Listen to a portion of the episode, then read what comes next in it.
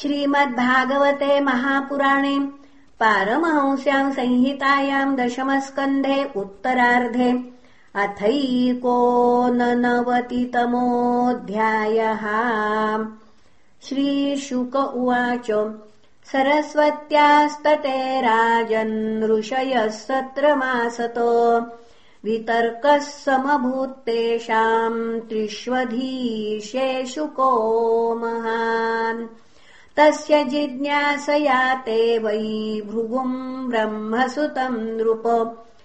तज्ञप्तैः प्रेषयामासु सोऽभ्यगाद्ब्रह्मणः सभाम्। न तस्मै प्रह्वणम् स्तोत्रम् चक्रे सत्त्वपरीक्षया।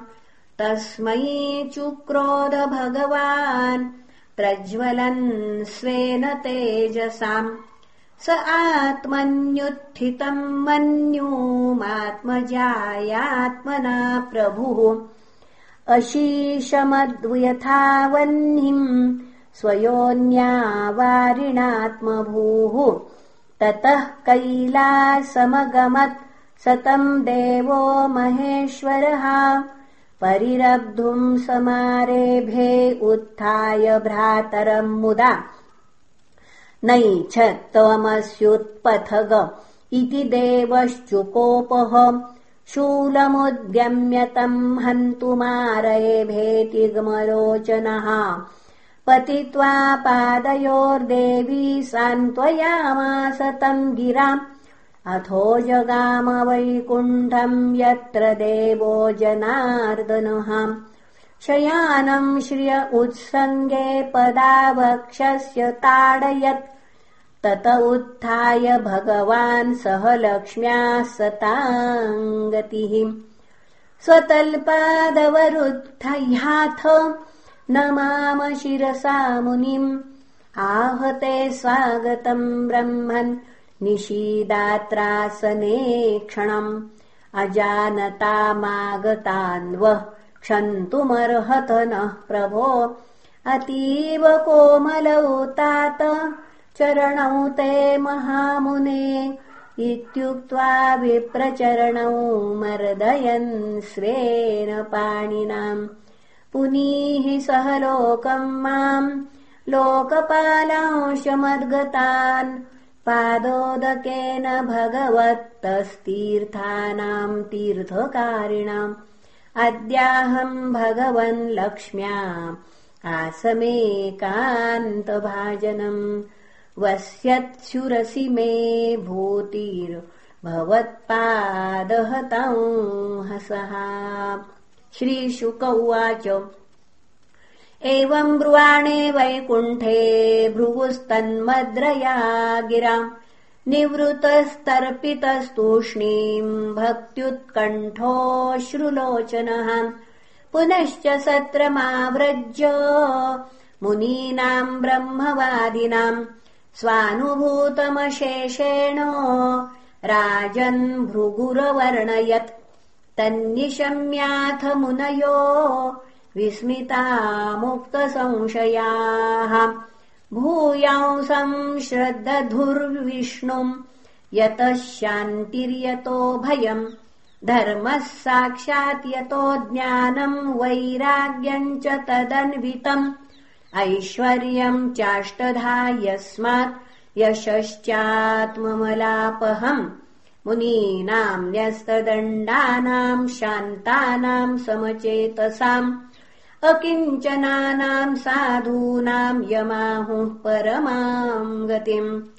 स त्वम् यस्य प्रिया मूर्तिर्ब्राह्मणा स्विष्टदेवताः भजन्त्यनाशिषः शान्ताम् यम् वा निपुणबुद्धयः त्रिविधा कृतयस्तस्य राक्षसा असुराः सुराः गुणिन्या मायया सृष्टा सत्त्वम् तत्तीर्थसाधनम्।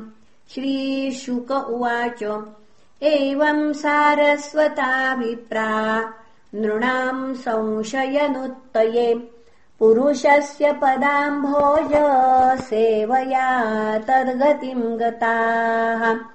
सूत उवाच इत्येतन्मुनितनयास्य पद्मगन्ध पीयूषम् भवभयभीत परस्य पुंसा सुश्लोकम् श्रवणपुटैः पिबत्यभीक्ष्णम् पान्थोऽध्वभ्रमणपरिश्रमम् जहाति।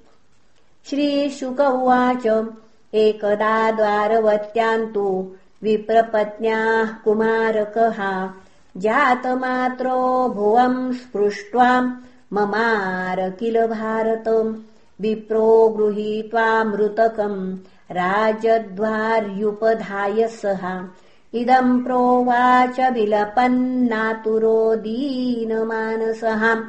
ब्रह्मद्विषषठधियो लुब्धस्य विषयात्मनः क्षत्रबन्धो कर्मदोषात् पञ्चत्वम् मे गतोर्भकः हिंसाविहारम् नृपतिम् दुःशीलमजितेन्द्रियम् प्रजा भजन्त्यसीदन्ति दरिद्रा नित्यदुःखिताः एवम् द्वितीयम् विप्रर्षिस्तृतीयम् त्वेवमेव च विसृज्य स नृपद्वारी ताम् गाथाम् समगायतम्।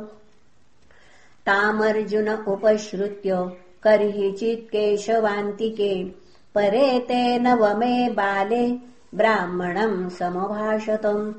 किंस्विद्ब्रह्मस्त्वनिवासे इह नास्ति धनुर्धरः राजन्यबन्धुरेते वै ब्राह्मणाः सत्र आसते धनदारात्मजा पृक्ता यत्र शोचन्ति ब्राह्मणाः ते वै राजन्यवेषेण नटा जीवन्त्यसुम्भराः अहम् प्रजावाम् भगवन् रक्षिष्ये दीनयोरिह। अनिस्तीर्णप्रतिज्ञोऽग्निम् प्रवेक्षे हतकल्मषः। ब्राह्मण उवाच सङ्कर्षणो वासुदेव प्रद्युम्नो धन्विनाम् वरः अनिरुद्धो प्रतिरथो न त्रातुम् शक्नुवन्ति यत्। तत्कथम् नु भवान् कर्म दुष्करम् जगदीश्वरैः।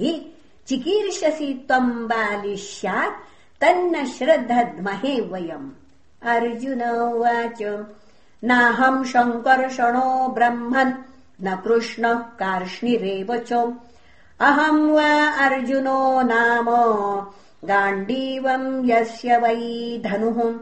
मावमंस्थामहमब्रह्मन् वीर्यम् त्र्यम्बकतोषणम्।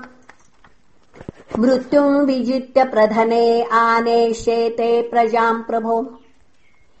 एवम् विश्रम्भितो विप्रः फाल्गुनेन परन्तप। जगाम स्वगृहम् प्रीतः पार्थवीर्यम् निशामयन्।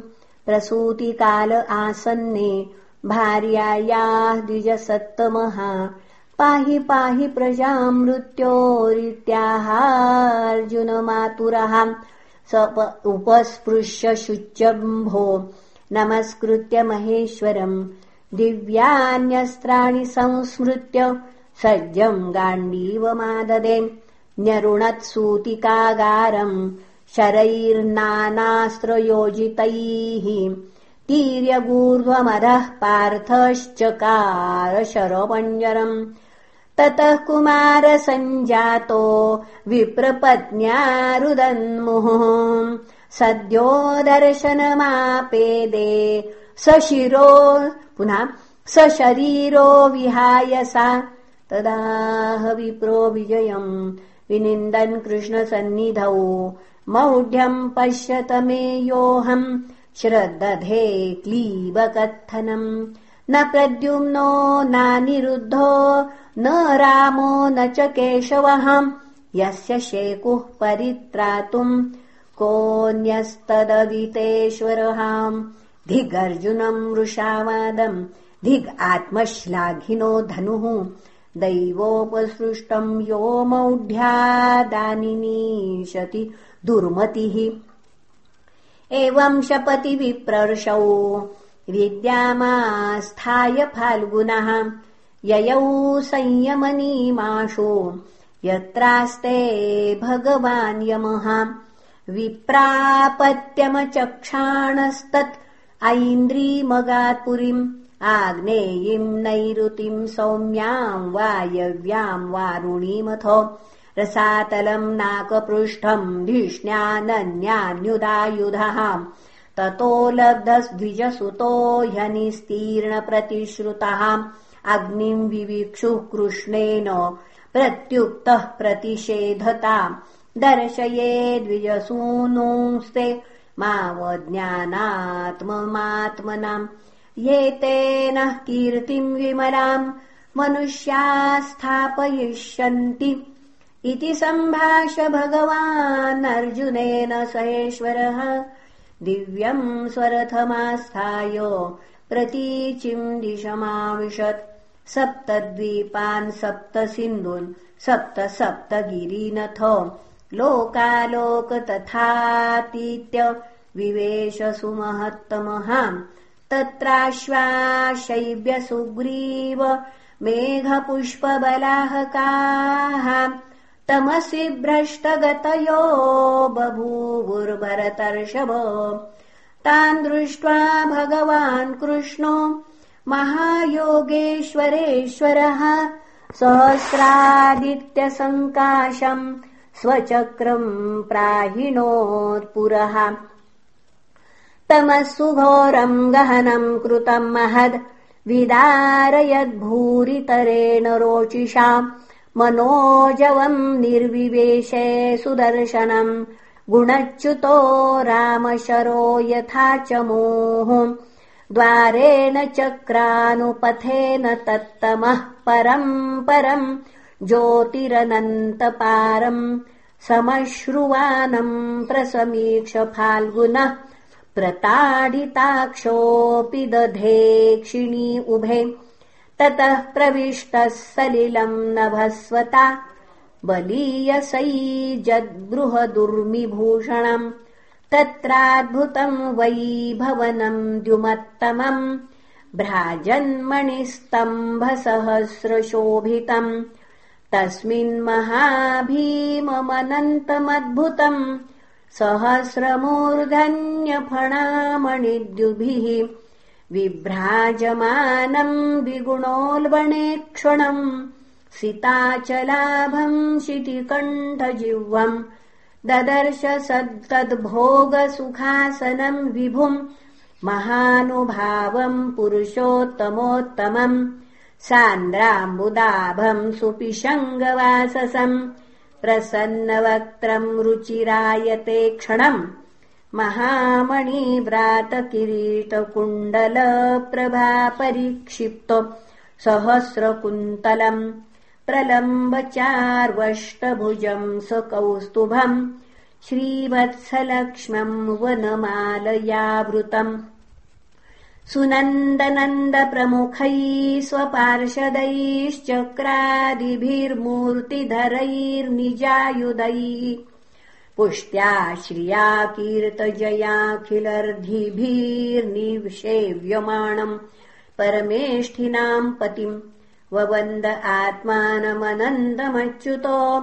जिष्णुश्च तद्दर्शनजातसाध्वसः तावाह भूमा परमेष्ठिनाम् प्रभुर्बद्धाञ्जलि सस्मितमूर्जया गिराम् द्विजात्मजा मे युवयो दिदृक्षुणाम् मयोपनीता भुवि धर्मगुप्तये कलावतीर्णाववनेर्भरासुरान् हत्वेव भूयस्त्वरयेतमन्तिमे पूर्णकामावपि युवाम् नरनारायणावृषि। धर्ममाचरताम् स्थित्यैरुषभौ लोकसङ्ग्रहम्। इत्यादिष्टौ भगवता तौ कृष्णौ परमेष्ठिना ओमित्यानम्य भूमानमादाय द्विजदारकान्। न्यवर्तताम् स्वकम् धाम सम्प्ररुष्टौ यथागतम् विप्राय ददतुः पुत्रान्यथा रूपम् यथा वयः निशाम्य वैष्णवम् धाम पार्थः परमविस्मितः। यत्किञ्चित् पौरुषम् पुंसाम् मेने कृष्णानुकम्पितम्। इति दृश्यान्यनेकानि वीर्याणीह प्रदर्शयन् बुभुजे विषयान् ग्राम्यानि जे चात्युर्जितैर्मखैः प्रवर्षाखिलान् कामान् प्रजासु ब्राह्मणादिषु यथा कालम् यथैवेन्द्रो भगवान् श्रैष्ठ्यमास्थितः हत्वा नृपानधर्मिष्ठान् घातयित्वार्जुनादिभिः अञ्जसावर्तयामास धर्मम् धर्मसुतादिभिः।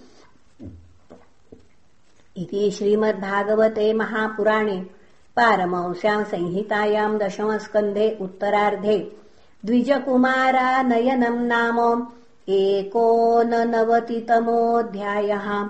श्रीकृष्णार्पणमस्तु हरये नमः हरये नमः हरये नमः